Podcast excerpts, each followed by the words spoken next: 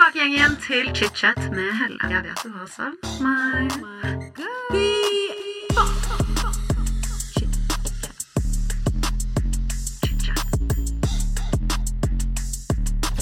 I dag får jeg besøk av psykolog, forfatter og podcaster Benjamin Baarli Silseth. Du har sikkert sett han sammen med hans ektemann Niklas Baarli. Og i dag skal vi få høre om eh, livet til Benjamin dere fra A til Å. Og i del én, som du får høre i dag, så får vi høre om oppveksten hans, tenårene som var ganske utfordrende. Eh, hvordan det var for han å komme ut som homofil, og følelsene det brakte med seg. Spesielt når han fortalte det til hans mor og far. Vi får også høre om eh, tiden hans som programleder i eh, den kontroversielle TV-serien Trekant, som gikk på NRK. Den var i hvert fall kontroversiell når den kom ut. Og rundt den tiden så møtte han også sin kjære Niklas, og Benjamin forteller om hvordan de møttes, hvordan forelskelsen oppsto, og all that juice. Dette får vi høre mer om da i del to, eh, hvor Benjamin også tar oss gjennom utfordringer han og Niklas har hatt i deres parforhold, hvordan de har jobbet seg gjennom det. Og eh, vi kommer også innom hatkommentarene som eh, haglet etter Benjamin lanserte boken sin Stolt i fjor. Dette er, noe av dette, dette er noe av dette faktisk du får høre i del én og del to med Benjamin Baarli Silseth. Så det er ikke noe annet å gjøre dere enn å kjøre i gang. Velkommen tilbake til chit-chat. Benjamin, hjertelig velkommen til chit-chat. Tusen takk for det. Godt å se deg, min kjære. I like måte. Se deg igjen. Herregud. Ja. Vi har jo lekt oss i 24-stjernens julekalender i desember. Eh, de få dagene hvor jeg var med der, da. Men eh, ja, du har jo i hvert fall lekt deg. Jeg eh, lekte meg enda litt lenger, men det var veldig synd at du gikk ut. Gikk, ut, gikk, gikk bort så altfor fort, Helle. Jeg vet det. Jeg gikk ut altfor tidlig, og jeg var bitter veldig lenge. Fordi jeg skulle ønske jeg var For det var så jæskla gøy. Ja, det var veldig gøy, og en av de mer intense TV-innspillingene jeg har vært med på. Eh, for det, det, var jo, det, var jo, noen lange uker eh, vi holdt på der. Eh, så, men li, li, så litt deilig at det også var, ble over til slutt. Ja. For min del, i hvert fall. Ja. Ja. Det, ja, for det er jo, man spiller jo inn flere konkurranser per dag. Ja. Så det er jo ikke sånn at det går én dag mellom hver konkurranse, som det ser ut på en måte. Så det blir jo intensivt for de som kommer langt, ja. Ja, ja, og vi satt på bakerste benk der og blomstret sammen, vi. Åh, herregud. Jeg skulle ønske jeg skulle vært med mer her. Åh, men eh, i dag, Benjamin, Ja. Så skal vi snakke om livet ditt. Og sånn som vi alltid gjør her i chit-chat, så snakker vi om alt fra barndom og liksom frem til i dag. ja. Eh, og jeg har jo da sittet og gjort research om deg, da. Da er jeg veldig spent på hva du finner. Det må jeg innrømme. Ja, altså eh, Jeg har funnet litt forskjellig, men jeg, det er jo mye spørsmål eh, som på en måte ikke er research-relatert, som jeg lurer liksom på sånn ting med Niklas og parforholdet deres og liksom uh, litt sånn psykologiske aspekter der med, liksom, med tanke på utdannelsen din og mye. Så vi bare hopper i det. Ja, jeg gleder Ja. meg. Og uh, vi går jo helt tilbake til barndommen først. Og Ja. du er jo født i 1991. Ja. Men jeg prøvde liksom å lese om barndommen din, sånn, det fant jeg ikke så mye ut av. Så kan ikke du bare gønne på, fortelle om hvor du er oppvokst, og hvordan det var hjemme hos deg i barndommen. Oi, det er eh, spennende. Og eh, jeg jobber jo eh, til vanlig som eh, eh, psykolog, og da pleier jo jeg å stille disse spørsmålene litt sånn til andre. Eh, gå tilbake til barndommen og sånt, så det er veldig rart å sitte i den andre stolen nå. Det må jeg innrømme. Eh, men- jeg har jo vokst opp i eh, Bærum, eh, på Høvik. Nedre Høvik. Eh, for det var veldig viktig for oss som bodde på Nedre Høvik, at det var den andre siden av motorveien eh, kontra øvre siden av Høvik. Oi, er det liksom litt sånn rivalgreie? Ja, det er det. Slåss om hvem som var det peneste. Men jeg vokste opp på den siden som var ned mot Veritas og Vannet og Henny Jonstad kunstsenter. Og vi hadde så mange attraksjoner som bare gjorde at vi var bedre. Du er fra den, det er veldig viktig at jeg er fra den Porsche-siden av Høvik. og det er sånn, det tror jeg er bare eh, internt på Høvik at vi snakker om det. Det, det tror jeg òg. Ja. Fordi jeg er fra Ullern. Det er ikke så langt ifra. Aldri hørt om dette. Nei, det, det skjønner jeg godt. Det skjønner jeg godt. Eh, men, men nei, jeg vokste opp eh, Født og oppvokst eh, der eh, sammen med min eh, bror, eh, som er fire år yngre, eh, mor og far. Eh, og så hadde vi en katt som senere ble til hund. Eller, vi byttet ut katten med hund, da. Var ikke Herregud, nå trodde jeg at du sa vi hadde en katt som ble til en hund. Så tenkte jeg, Jeg sånn Og da, jeg tenkte jo helt sånn uh, woke-kultur her. Sånn Ja. Vi følte at katten ble en hund. Den identifiserte seg som hund. Ja, så Ja. Nei, vi, fikk, vi fikk Vi hadde først en katt fordi broren min og jeg hadde veldig veldig lyst på kjæledyr. Eh, og så fikk vi en katt. Vi fikk en veldig nervøs katt. Hun var livredd alt som var av mennesker og alt. Så vi fikk liksom aldri den kjæledyropplevelsen. Everyone knows therapy is great for solving problems, but getting therapy has its own problems too, like finding the right therapist, fitting into their schedule, and of course, the cost. Well, BetterHelp can solve those problems. It's totally online and built around your schedule. It's surprisingly affordable too. Connect with a credentialed therapist by phone, video, or online chat, all from the comfort of your home. Visit betterhelp.com to learn more and save 10% on your first month. That's BetterHelp, H E L P. A lot can happen in the next three years. Like a chatbot may be your new best friend. But what won't change? Needing health insurance. United Healthcare Tri Term Medical Plans are available for these changing times.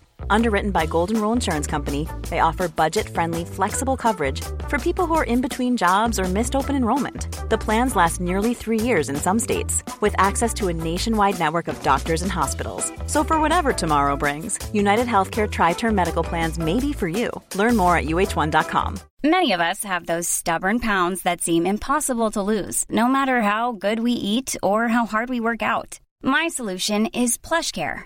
PlushCare is a leading telehealth provider with doctors who are there for you day and night to partner with you in your weight loss journey. They can prescribe FDA-approved weight loss medications like Wagovi and Zepbound for those who qualify. Plus, they accept most insurance plans. To get started, visit plushcare.com slash weight loss. That's plushcare.com slash weight loss. Og da eh, bestemte mamma og pappa hvert for at vi skulle få oss hund isteden. Så da tok vi hjem eh, og ikke sant, Dette er veldig eh, klisjéete for vestkanten, men vi fikk jo da selvfølgelig en kongepuddel. Eh, Of course. Ja. Amazing. så vi fikk en svart eh, kongepuddel ved navn eh, Sora, eh, som vi tok med hjem. Den skulle hilse på katten, og løper jo som en valp gjør mot katten for å hilse på. Katten ut døren, og vi så den aldri igjen. Å nei! Det, Ja. Nei, men sånn, det var, sånn gikk det, da. sånn gikk det med den katten. Så, da, det, så for oss så ble det nesten som at katten ble til en hund, for det gikk så veldig, veldig fort. Ja. Eh, Sånn er det. Ja, ja, ja. Men når du, eller da du var barn um, Når du ser tilbake på barndommen din, har du liksom assosierer det med gode tanker, eller syns du det var en utfordrende tid? Oi, eh, altså jeg tror sånn i, i helhet av liksom barndommen, altså liksom barneårene Og da tenker jeg kanskje opp til sånn jeg vet ikke, 8-9-10 års alder. Eh, det er eh, fylt med veldig mange gode minner og gode tanker. Jeg tror jeg hadde en veldig, veldig god oppvekst. Eh, vokste jo opp i et eh, stort hjem. Mamma og pappa hadde liksom gode jobber. Jeg manglet aldri noe. Men levde heller ikke i noe liksom, overflod. Eh, mamma er jo fra Trondheim, og pappa er fra Lofoten. Så det er jo ikke noe sånn De er ikke born and raised i eh, Bærum. Så de var nok litt mer nøkterne enn en veldig mange andre som jeg vokste opp med. Eh, men det, stort sett så tror jeg hadde det egentlig veldig fint. En veldig sånn eh, beskyttet oppvekst, vil jeg tro. Sammenlignet med ganske mange andre. Eh, så jeg føler meg veldig, veldig heldig for uh, akkurat det. Og bodde liksom Husker veldig godt at jeg bodde sånn i nærheten av både uh, barnehagen jeg gikk i, barneskolen jeg gikk på, som var Høvik Verk barneskole. Så det var veldig den der klassiske vokse opp i Nå husker jeg aldri hva suburb er på norsk, men det er forstad. Ja, jeg skjønner var- hva du mener. Ja, vokse opp i en veldig sånn forstad hvor man gikk til og fra skolen med de man gikk i klasse med. Det var veldig sånn Alle liksom visste hvem hverandre var. Det var veldig sånn rolig og fint. Trygge rammer. Veldig trygge rammer. Så sånn sett så ser jeg jo på barndommen som veldig, veldig eh, god. Ja, men så deilig. Ja. Det er jo kjempefint, da. Ja, ja, ja, herregud. Men med tanke på altså, barndommen, og så kom man jo inn i tenårene. Og som mange gjester her i Chichat har jo Eller folk har veldig forskjellig oppfatning av tenårene, da. Og ungdomsskolen er jo en kjemperar tid for de aller fleste. Finner seg selv, kroppen blir annerledes. Eh, pubertet, forelsket kanskje for første gang. Ah, hvordan var denne tiden i livet ditt? Jeg hatet ungdomsskolen. Ja, ikke sant? Du er en av de. Ja. Ja. Og det er derfor jeg var så tydelig også på sånn at bar barneårene, barndomstiden, den var fin. og, så, og så begynte drittet. Å, gud. Uh, ja, nei, jeg syns overgangen fra barneskole til ungdomsskole som jo for veldig veldig mange er ekstremt brå, det er noe av det verste jeg har vært med på i hele mitt liv. Jeg, an, altså, jeg angrer på at jeg gjorde det. Man måtte jo gjøre det. Men jeg, bare, jeg skulle så gjerne vært foruten den uh, opplevelsen. Jeg, syns, jeg er nok en av de som syns at ungdomstiden var, uh, var ganske røff. Jeg tror, ikke, jeg tror jeg brukte Jeg vet ikke, jeg husker så godt da vi begynte på ungdomsskolen, så hadde jeg for det første så hadde jeg en veldig rar første skoledag. Fordi i tiende klasse på Ramstad ungdomsskole, som jeg gikk på, så gikk det en annen som het Benjamin. Og det var ikke så mange i eh, liksom mitt kull og min generasjon som het Benjamin. Det var veldig mange Nikolai og Alexander og, og sånne ting. Det var det ofte flere av. Eh, men ingen Benjamin. Og det var bare én annen Benjamin på Ramstad ungdomsskole da jeg begynte. Og første dag på skolen så husker jeg at han kom Han hadde fått høre Jeg vet fortsatt ikke hvordan. Fått høre at jeg het Benjamin. Og det første han gjorde, det var å slenge meg opp i veggen og si på denne skolen er det bare én Benjamin. Og så heter jo jeg Mathias til mellomnavn. Og det også var noe som han visste. Og det, når jeg tenker meg om, så heng, det hang jo sånn før vi begynte på ungdomsskolen, kunne man jo gå siste uken i sommerferien eller noe og se på listen over navn på hvem du skulle gå i klasse med. Ja, ikke sant. Så kanskje han hadde fått det derfra. Men han sa fra i dag av så heter du Mathias. Å, herregud! Ja, og jeg var jo for det første livredd og svett allerede fordi jeg skulle begynne på ungdomsskolen. Det var store tiendeklassinger der som liksom hadde begynt å få skjegg. Altså, det, var liksom, det var noe helt annet enn barneskolen. Og jeg fikk altså den liksom brå oppvåkningen. Og jeg var jo livredd for ungdomsskolen fra den dag av. Å nei. Jo, det var helt Jeg husker det var helt grusomt. Men var det kjipt liksom alle tre årene? Eller var det på en måte bare innkjøringen i åttende som var åpenbart dritkjip? Altså det her er jo helt sjukt. Altså det, nå har jeg et spørsmål. Jeg begynner jo sånn, har du, Sa du det til noen? Var det noen voksne, liksom? Ja, nei, nei, nei, jeg visste jo ikke hva jeg skulle gjøre.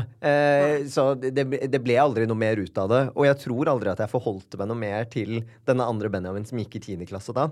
Så det, ble, det var ikke en sånn gjennomgående greie gjennom ungdomsskolen. Um, men jeg eh, husker sånn åttende klasse, da folk begynte å bli kjent på tvers av barneskoler man før hadde gått i. Man begynte kanskje å danne litt mer gjenger og grupperinger, for det var det jo i hvert fall veldig mye av der jeg gikk på skole. Min. Veldig gjengete.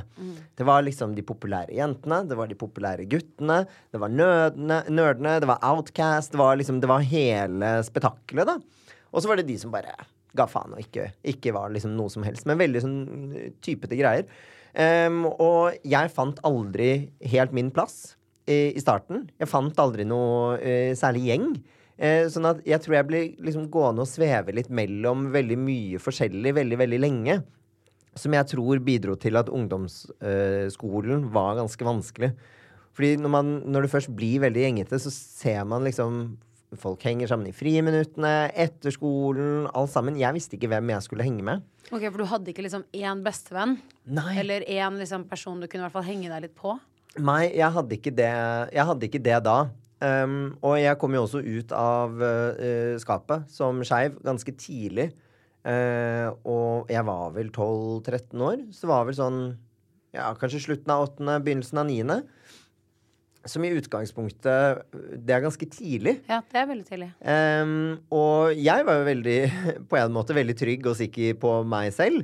Uh, og jeg tror det gikk en liten faen i meg som var sånn Nå skal jeg bare, skal jeg bare stå opp for den jeg er. Nå skal jeg si det, Nå skal jeg si det høyt, liksom. Uh, så jeg gjorde jo det. Uh, men som på alle skoler så sprer jo ordet seg veldig, veldig fort, da. Sånn at da stadig flere fikk høre at jeg var skeiv, så var det jo flere som jeg anså som mine venner, og som, var veldig, som jeg hadde vært veldig god venn med veldig lenge, eh, som snudde meg i ryggen i det. Um, da Det, ja. Ja, det og det er jo, det er jo en sånn det litt sånn klassisk, eh, klassisk skeiv eh, historie. Eh, og så hører man kanskje mye om det fra liksom, Distrikts-Norge og, og sånne ting. Men Bærum er ikke så langt unna Oslo, så man skulle jo kanskje tro at det var litt, det var litt bedre der, da. Um, men det, det var det jo ikke. For det var såpass At folk på en måte var De tok, et, altså, de tok avstand fra deg, liksom? Fordi du sa 'jeg liker menn'? Ja, jeg hadde, hadde en veldig god venn som uh, sendte meg en SMS og, og sa at nå uh, må jeg holde meg litt unna deg en periode. Uh, og så prøvde jeg å spørre hva det handlet om, men fikk, fikk aldri noe mer svar. Og det var en jeg hadde kjent i, i ganske mange år. Har du møtt denne personen i voksen alder? Um, ja, jeg tror jeg møtte han én en gang i, i Trondheim, da jeg studerte der. Um, og jeg adresserte det ikke. Jeg klarte ikke. Eller jeg turte ikke. Fordi da Det var jo en periode av livet mitt eh, på ungdomsskolen der hvor jeg var veldig, veldig nervøs og veldig redd og veldig usikker på meg selv. Og det er det jo utrolig mange som er i tenårene eller begynnelsen av tenårene allikevel. Men det å ha den ekstrabelastningen med å skulle komme ut av skapet og prøve å liksom jeg vet ikke. Ikke feige ut. Stå litt opp for deg selv. Være, ja, prøve å eie det litt når du er så redd. Og så bli møtt med avvisning. Det er øh, Det var veldig sårt, og det er veldig sårt uh, fortsatt. Fordi det var en så tidlig opplevelse som satte seg veldig i meg. Um, og da, uh, da jeg skulle ta skolebussen hjem, så uh, så jeg at han satt på bakerste rad i bussen med alle de gutta som skrek 'jævla homo' og 'homse' til meg da jeg kom på bussen. Og det er et bilde som jeg ikke kommer til å få ut av hodet noensinne. For da Det tror jeg var første gang liksom hjertet mitt knuste. Eller bare så hvor, hvor vondt eh, eh, livet kan være, og hvor vonde mennesker kan være. Um, men så har jeg jo vokst opp i dag da med et eh, perspektiv på at vi var barn, eh, vi var unge. Man sier og gjør ting fordi man ikke forstår det. Eh, man vet ikke hvor, hvor stor påvirkning det har på de rundt. Vi skjønner ikke før i senere i livet hvor hardt mobbing kan være, eller hvor hardt eh, utestengning og avvisning kan være. Så jeg prøver å minne meg selv på det.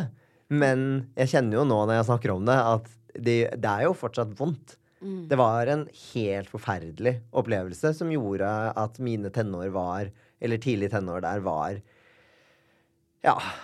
Det var helt jævlig. Mm, det skjønner jeg. Fy faen, så kjipt, ass. Jeg kjenner jeg blir helt sånn Ja, fordi det er sånn som du sier, at liksom Traumatiske opplevelser, selv om det er så lenge siden, da. Og, og denne hetsen du bare Sånn som du sier, jeg forstår at de var unge, jeg forstår at de ikke forstår det, de selv. øh, eller det vet jo ikke jeg, de er jo ikke homofile selv, på en måte. Eller hva, hva faen vet jeg, eller vi, på en måte. Men øh, at de ikke forstår det. Men det er så vondt fortsatt. Det er så sårt. Det er så jævlig, ass. Åh, jeg, blir så, jeg blir så sint av det. Men kan jeg spørre deg da, husker du første gangen du forsto selv at du likte menn? Um, nei, det tror jeg ikke at jeg gjør. Eh, og det er sånne ting som, eh, som jeg har blitt spurt om før, om jeg har sånn, eh, liksom tenkt litt på selv. Når var det jeg egentlig skjønte det?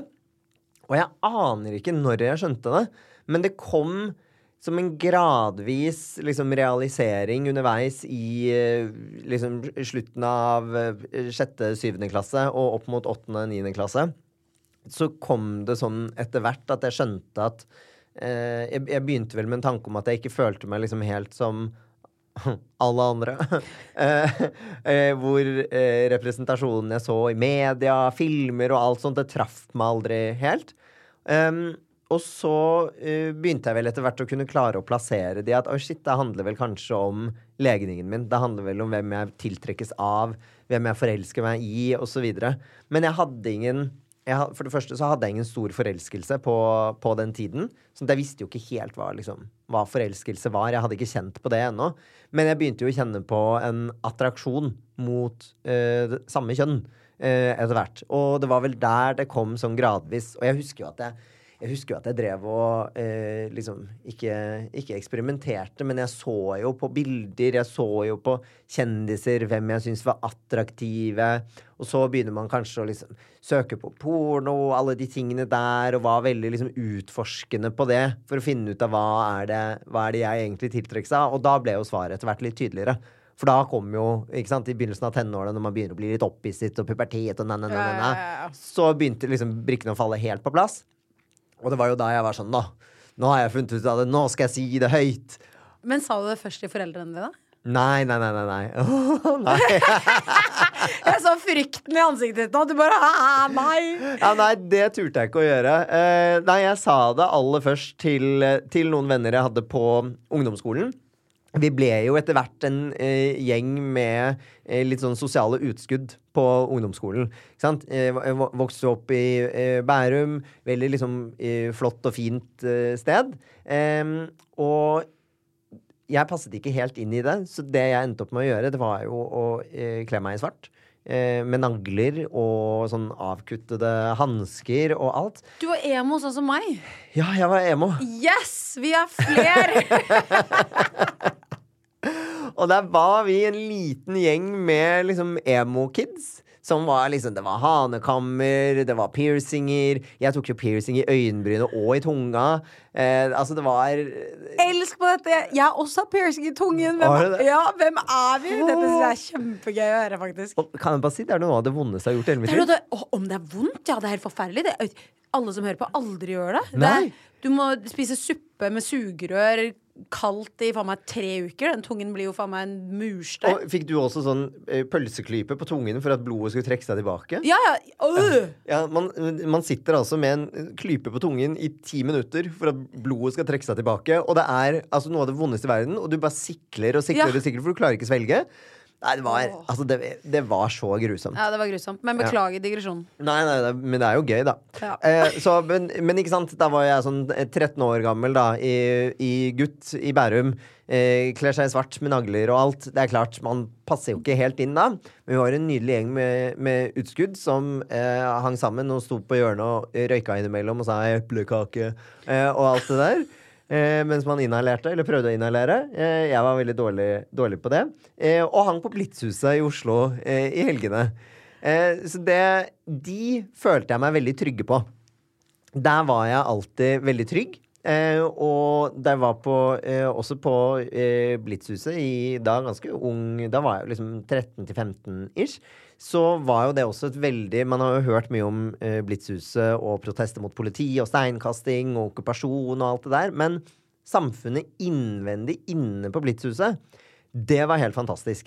For der var alle velkomne. Det var så mye aksept. Det var så mye var så mange forskjellige identiteter. Det var liksom Alt var så eh, utrolig velkomment og varmt, til tross for det litt sånn røffe ytre.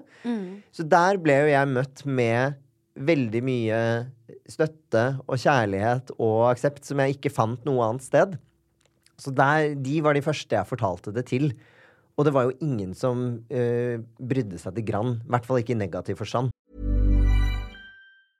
A lot can happen in three years, like a chatbot may be your new best friend. But what won't change? Needing health insurance. United Healthcare Tri Term Medical Plans, underwritten by Golden Rule Insurance Company, offer flexible, budget friendly coverage that lasts nearly three years in some states. Learn more at uh1.com. There's never been a faster or easier way to start your weight loss journey than with PlushCare. PlushCare accepts most insurance plans and gives you online access to board-certified physicians who can prescribe FDA-approved weight loss medications like Wigovi and Zepbound for those who qualify. Take charge of your health and speak with a board-certified physician about a weight loss plan that's right for you. Get started today at plushcare.com slash weight loss. That's plushcare.com slash weight loss. plushcare.com slash weight loss. Millions of people have lost weight with personalized plans from Noom, like Evan, who can't stand salads and still lost 50 pounds. Salads, generally, for most people, are the easy button, right? For me, that wasn't an option. I never really was a salad guy. That's just not who I am. But Noom worked for me.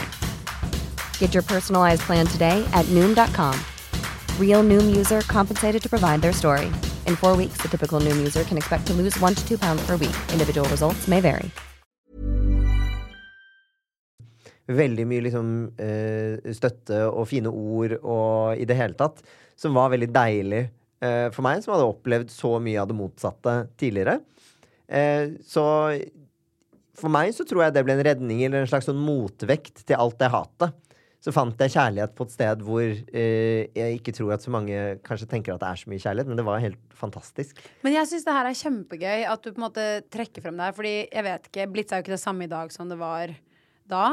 Eh, og jeg husker også jeg var med venninnene på Blitz en gang. For jeg husker jeg tenkte sånn Herregud, dette er skummelt, skumle mennesker. De ser så skumle ut. Nei, nei. Det var leksehjelp med vafler Ja. på tirsdag.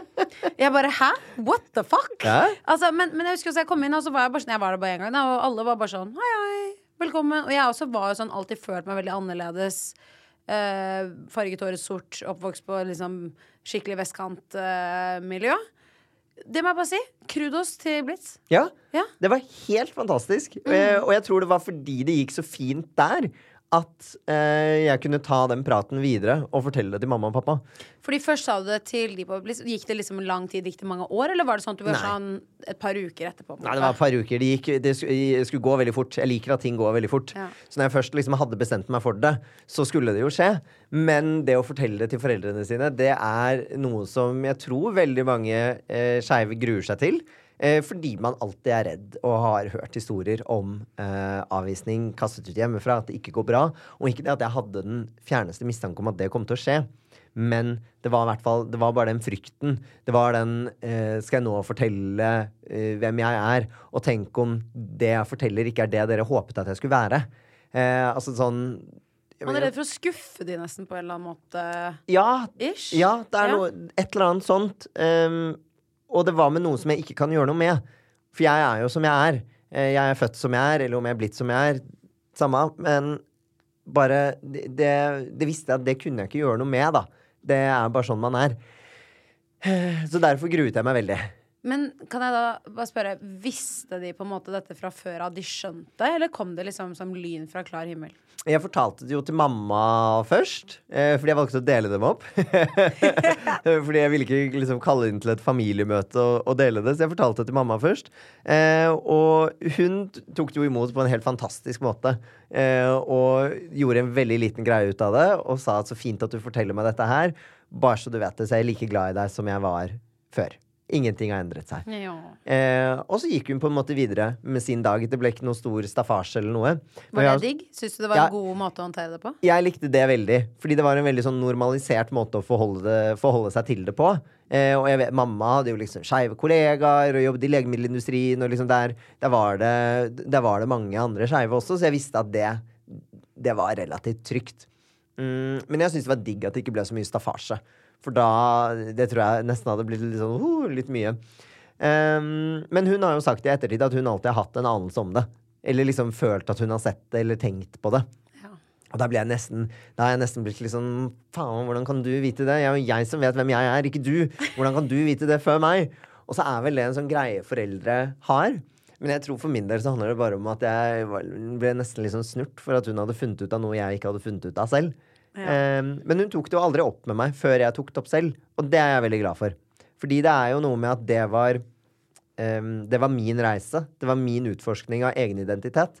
Jeg tror at hvis mamma hadde spurt eller tatt det opp tidligere enn det, så hadde hun overtatt litt av den reisen. Da hadde ikke jeg fått ta den selv. Og det er jeg veldig glad for at hun gjorde. Og det er noe jeg også uh, snakker med andre om, som tar kontakt på sosiale medier eller et eller annet sånt, som spør om Hei, jeg tror liksom tror sønnen min eller datteren min eller hva som helst er eh, skeiv. Hva kan jeg gjøre?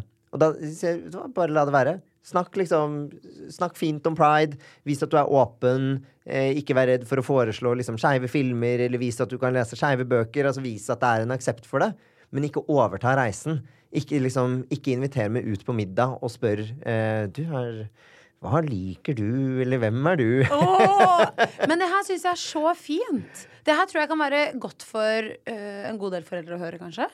Fordi det kan, jeg kan bare se for meg at det kan være ganske utfordrende for en forelder også da med en tenåring i hus som kanskje tar piercing i tungen, farger håret svart og bare ikke vet hva som er opp eller ned.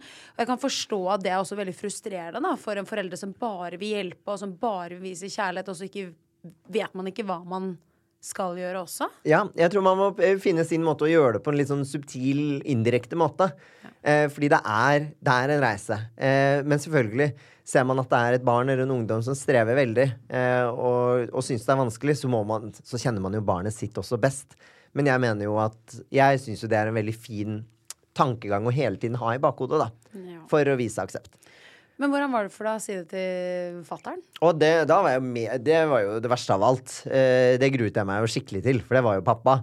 Eh, jeg, var, jeg var jo liksom, ja, førstefødte sønnen, og liksom man, man har jo et bilde, i hvert fall liksom tidligere generasjoner, føler jeg at man har et liksom tydelig mannsbilde, hvordan mannen skulle være. Pappa var jo en veldig mannete mann. Han var en veldig klassisk, eh, klassisk far. Eh, snakket lite om eh, følelser, så mye på sport. Eh, vi hadde veldig lite til felles.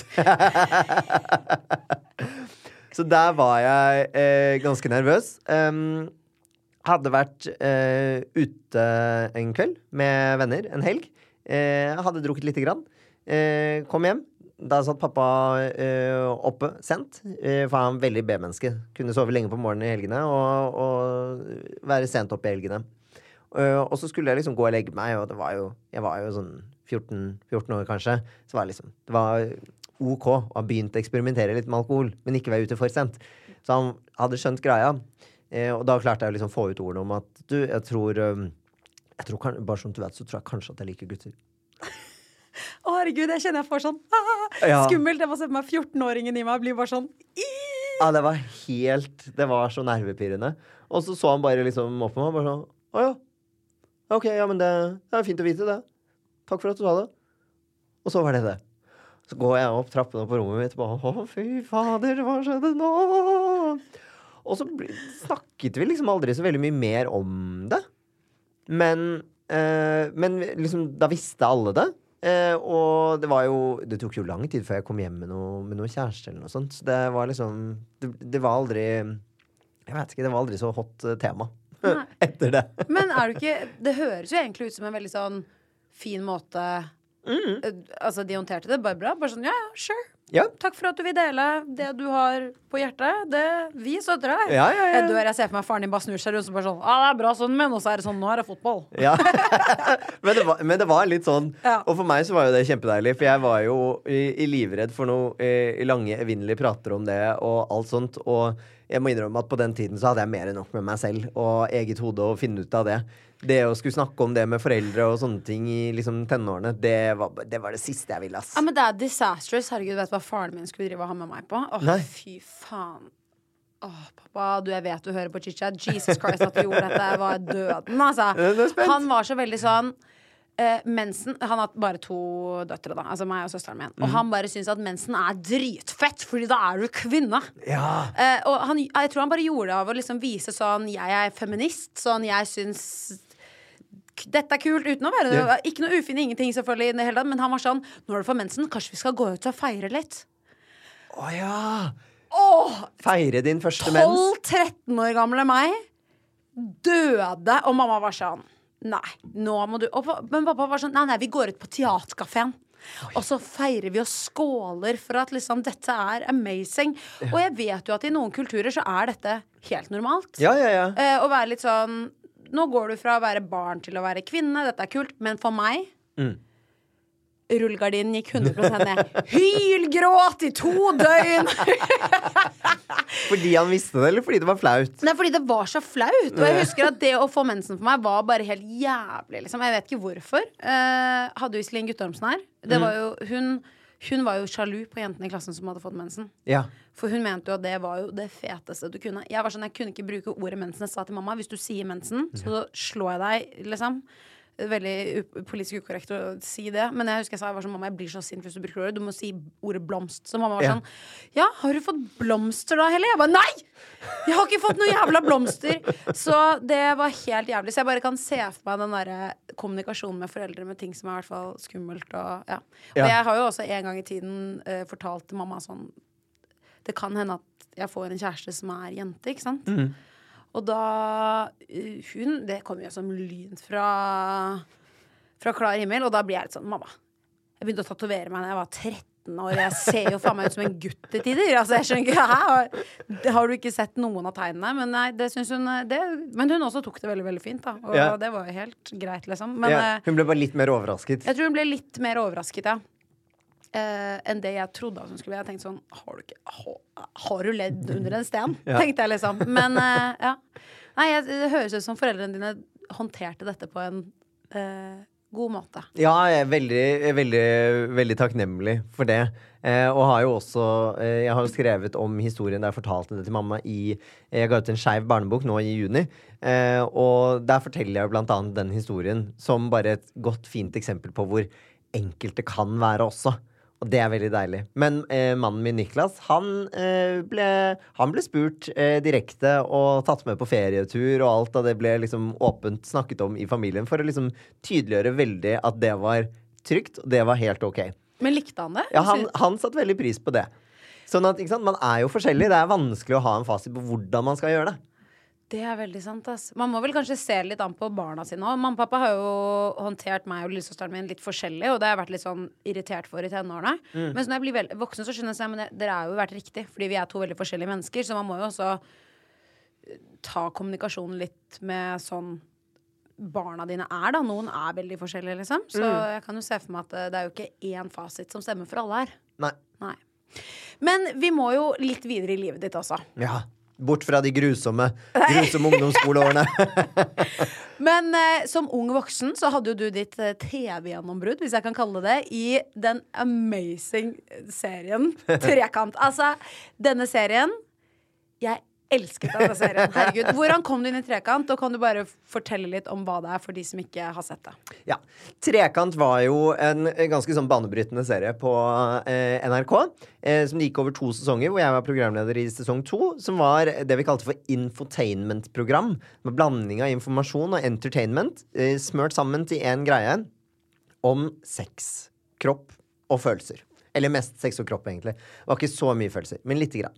Um, hvor vi var tre programledere som utforsket uh, seksualitet uh, på mange forskjellige måter. Vi hadde blant uh, en episode hvor vi var på date med en med stor aldersforskjell. Så jeg var jo på date med en mann i 40-årene, hvis jeg ikke husker helt feil, og jeg var jo 20. Eh, og vi var på BDSM-klubb, eh, hvor jeg blant annet Det er noe av det jeg kanskje husker aller best, fordi jeg ble bundet fast. Eh, først så fikk, ble vi kledd opp i litt sånn eh, lærkostymer og, og sånne ting, men ikke noen sånn voldsomme greier. Det var ganske tildekkende. Eh, og så ble jeg bundet fast og heist opp. Og hang altså midt i et rom og spant rundt og syntes jo det var fantastisk morsomt. Fordi det, Dette visste jeg ikke om bondage, men det er jo det det kalles når man bruker masse tau og sånt. Eh, og dette husker jeg lærte da, at de binder jo sånn at vekten fordeler seg så likt at når du henger der, så henger du henger veldig komfortabelt. Ja, det har jeg også hørt. At bondage liksom ikke Det skal ikke være vondt og jævlig. Nei. Det er liksom Du skal være ganske komfortabel i en litt sånn ja, eh, spesiell setting Ja. som for andre kan se helt crazy ut. på en var, måte ja, og det var ikke sånn at all vekten la seg på skulderen eller på hofta. eller noe sånt. Det var bare sånn jevnt fordelt overalt. Så jeg var sånn wow, dette her er kunst, ass! Eh, så vi, vi gjorde masse sånne eh, forskjellige ting. Eh, jeg fikk jo i den første episoden jeg var med i, det var jo noe av det verste jeg har vært med på i hele mitt liv. Jeg merker at jeg sier det om mye i dag, men eh, da, eh, da ble jeg sendt på klinekurs. Å, fy faen! Så du var på klinekurs på holdt jeg på å si, Rikskringkasting? Ja. Ja, og det For meg, eh, det husker jeg at jeg snakket om da også, for meg så er kyssing og klining det er veldig personlig. Eh, det er nesten mer intimt, syns jeg, enn sex. Fordi sex, det kan bare være sex. Men jeg føler at når jeg kliner, da gjør jeg det med liksom lidenskap og følelser, og det er en person jeg er veldig tiltrukket av på en eller annen måte. Eh, så jeg ble da plassert i en kinosal her i Oslo. Um, og så ble det sendt inn Jeg visste bare at jeg skulle på klinekurs. Så jeg tenkte at nå skal jeg snakke med en som er veldig god på kline. Skal jeg øve på en dukke eller noe sånt. Jeg satt der helt alene. Inn kommer det tre unge personer som jeg aldri har sett før. Setter seg ned ved siden av og hilser på og sier hei. Og da skjønner jeg at faen, jeg skal kline med dem. Åh, folk jeg aldri har møtt før, aldri sett før, aldri vært borti. På min alder én jente, én skeiv gutt og én heterofil gutt. Og det er bare Det er kameraer overalt. De går ut igjen, blir sendt inn én etter én. Så får jeg beskjed om at Benjamin, da er det bare å sette i gang og kline når du er klar for det. Og så gjorde jeg det. Klina med hver og en av dem. Så fikk jeg terningkast fra hver og en Å, av fy dem. faen, så jævlig! Det var helt grusomt. Og det var jo, da var det jo sånn treere og, og firere og sånne ting som jeg var sånn Ja, ok, det kunne vært, kunne vært verre tross liksom, med Ja. tanke på settingen. Og så fikk jeg jo klinekurset. For da Vi skulle jo gjøre en før- og etterkurs-test. så da eh, var jeg på kurset. Så ble disse tre sendt inn en gang til. Eh, og så klina vi på nytt. Fikk bedre terningkast da, så jeg lærte litt av kurset. Men det er det verste. Det var det verste. Det var vanskelig, altså. Det var vondt. Det var så flaut. Å herregud, det skjønner jeg. Men jeg er også enig med deg at kysse og kline er så um, Altså sånn kline som passionate. er- tror, kanskje det har noe med at det er i ansiktet også. Fordi Ja. ansikt er så du, du puster, du ser, smaker, lukter Altså det er alt, liksom. Ah! Ja, ja, det er så Og det, det, er, det var så mye i det. Så det var, det var et program som vi liksom skulle utforske opptaket, men det utfordret jo også våre egne eh, grenser. Eh, så det var veldig Det var veldig rart. Og du, du spurte jo litt om det, hvordan jeg kom på det i det Ja. hele tatt. Og det også var helt Det var helt tilfeldig. Jeg hadde et friår etter videregående, hvor jeg jobbet som spesiallærer på en ungdomsskole i, i Bærum. Eh, og så hadde jeg lunsjpause der. Satt og surfet litt på nettet og spiste en skive med gulost og koste meg, da.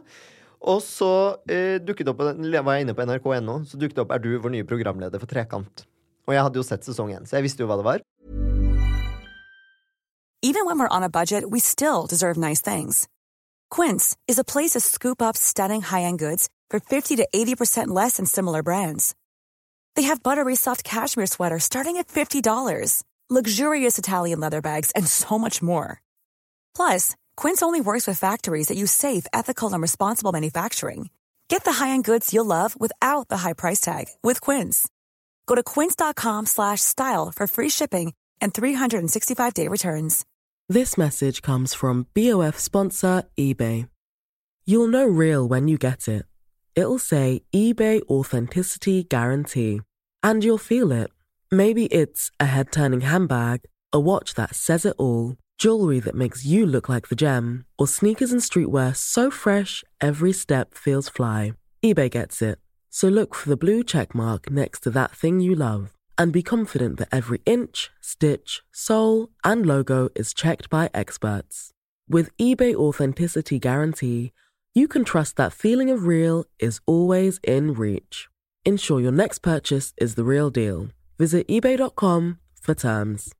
Mom deserves the best, and there's no better place to shop for Mother's Day than Whole Foods Market. They're your destination for unbeatable savings, from premium gifts to show-stopping flowers and irresistible desserts. Start by saving 33% with Prime on all body care and candles. Then get a 15-stem bunch of tulips for just $9.99 each with Prime. Round out Mom's menu with festive rosé, irresistible berry chantilly cake, and more special treats. Come celebrate Mother's Day at Whole Foods Market.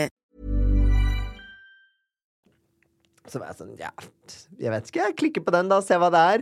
Og så var det et sånt skjema man kunne fylle ut med ulike ja-nei-spørsmål. Kan du gradere deg selv fra 1 til 10 på hvor seksuelt erfaren du er? Og jeg var sånn, jeg har jo litt tid å slå i hjel. Jeg fyller ut dette skjemaet litt for gøy. Så jeg satt jo der og klikket, eh, klikket meg gjennom spørsmålene og svarte liksom det jeg trodde. Og det var sånn på hvor seksuelt erfaren er du? Så er jeg sånn, åh, jeg er på åtte i hvert fall, for jeg har levd et liv. Tenkte jeg. Og så sendte jeg, trykket jeg bare på send inn. Liksom Fylte ut alt sammen ferdig med kontaktinfo osv. Fylte det ut, send inn. Tenkte ikke på det et sekund mer. Da var det liksom gjort, så var det tilbake på jobb, og dagen gikk videre, og så var det glemt. Um, og så plutselig så ringer, den, uh, ringer mobilen min uh, noen uker senere. Ukjent nummer. Uh, og så er det bare sånn Hei, du, det er Jennifer fra NRK. Og jeg bare, ja Hei! Hun bare sånn, du, vi har mottatt ditt, eh, din eh, liksom, skjema her i forbindelse med programlederjobben for Trekant. Og lurte på om du hadde tid til en liten eh, oppfølgingsprat til det du har fylt ut. Og jeg bare ja! Ja, jo, det, ja, vi kan godt gjøre det. Så var det liksom gjennomgang av alle spørsmål. egentlig. Var sånn, ja, Du har satt deg selv på en skala fra på åtte av ti på seksuelt erfaren. Hva, hva er det som gjør at du har det, gjort det? Jeg bare Nei, jeg vet ikke. Jeg føler jo jeg liksom har ligget med så og så mange og liksom syns at sex er veldig bra og veldig gøy og veldig fint og ja, po positivt til sex, liksom. Men bare ja. Ja, men jeg setter deg ned på fire, jeg. Og jeg bare ja, OK. Ja, greit. Uh, Jeg dør at hun bare Ja da. Ja, for da var det jo litt sånn spørsmål Hva har du, hva har du liksom gjort, og hva har du opplevd som gjør at du er på notter? Og det var jo ikke så mye å skryte av. Nei, du var jo 20 år, da, så det sier jo seg selv at du liksom Ja, jeg, jeg hadde ikke vært på eh, nattklubb i Berlin, eh, for å si det sånn. Nei. Så det var eh, Det har jeg heller ikke til den dag i dag, faktisk. Jeg er fortsatt på en fire, jeg. Men jeg elsker hvordan tilfeldigheter gjør at man havner der man er. For det er jo ofte Man har en tanke om hvordan livet skal bli, og man studerer og liksom planlegger, og så er det sånn Ja, det er egentlig ikke alt man kan planlegge heller. Nei, det var helt random. Og så var det jo denne telefonpraten, og så var det sånn Ja, vi har fått til liksom eh, nesten 1000 uh, søknader, så nå tar vi en ringerunde til de som i det hele tatt er aktuelle på noe som helst nivå, og så ser vi hva som skjer der. Og så gikk det en liten stund til, og så fikk jeg en mail uh, hvor jeg fikk beskjed om at jeg var en av 20 som de ville ha på casting eh, på Marienlyst eh, hos NRK eh, i Oslo, og lurte på om jeg kunne komme. Eh, det skulle være to dager med casting, hvor det var 20 stykker på dag én, og så skulle det bli halvert til 10 stykker på dag to. Eh, og da var det en hel dag med casting som var eh, masse forskjellige oppgaver. Vi skulle gjøre presentasjoner av sexleketøy for, liksom, for hele gruppen. Jeg husker vi hadde Helt i starten så hadde vi en lek hvor vi alle sammen fikk utdelt en ark og noen fargeblyanter. Så fikk vi beskjed tegn favorittdyret ditt. Og jeg bare sånn, ok, det er en lett oppgave. Dette kan jeg være med på. Så jeg var litt usikker på hva favorittdyret mitt var, så jeg tegnet stjernetegnet mitt, som er tyr. Tegnet en okse av noe slag. Så fikk vi beskjed om å stille oss opp i en ring. Så skulle vi vise hverandre hva vi hadde tegnet. Og så sa de nå skal dere gå én og én inn i ringen, og i et par minutter så skal dere få lov til å leke at dere er dette dyret, mens de andre bare ser på. Og da var jeg sånn Hva, hva er det? For en sjuk castingrunde. det var helt voldsomt. Så da, Alle jentene hadde jo tegnet eh, stort sett Hadde jo tegnet en katt eller tiger, eller noe sånt så det var veldig mye krabber rundt. Jeg løp jo rundt og tok liksom fingrene opp til pannen og lot som at det var en tyr som løp rundt. Og det var altså så absurd. Men det de ville se, det var jo at vi kunne leke og tøyse, og at vi kunne bli flaue. For de måtte ha med folk som kunne vise følelser. Og jeg da var veldig god på å vise at jeg var flau. Syns dette var veldig, veldig vondt å gjøre. Så de valgte egentlig fordi du indre inni deg så var det så jævlig, Ja. og de bare 'Dette blir bra TV'. Ja, jeg var en seksuelt uerfaren, flau gutt. Elsker! For en sjuk castingrunde. Herregud også. Det er det rareste jeg har vært med på i hele mitt liv. Å, herregud, så gøy. Men Benjamin, jeg har også masse spørsmål. For jeg vet at i denne tiden i livet så møter du også straks Niklas, og vi skal Ja. komme til alt det. Vi har også veldig mye spørsmål der. Men jeg ser at nå har vi snakket sammen så lenge at dette her blir avslutningen på del én. Ja, det er bra. Yes. Og til deg som lytter, så husk å abonnere på ChitChat med Helle, for da får du opp automatisk del to med Benjamin, som kommer neste torsdag. Oi. Til deg som har lyttet til denne episoden, hvis du likte det du hørte, så gå gjerne inn i appen og abonner på ChitChat med Helle. Da får du automatisk opp nye episoder hver eneste torsdag.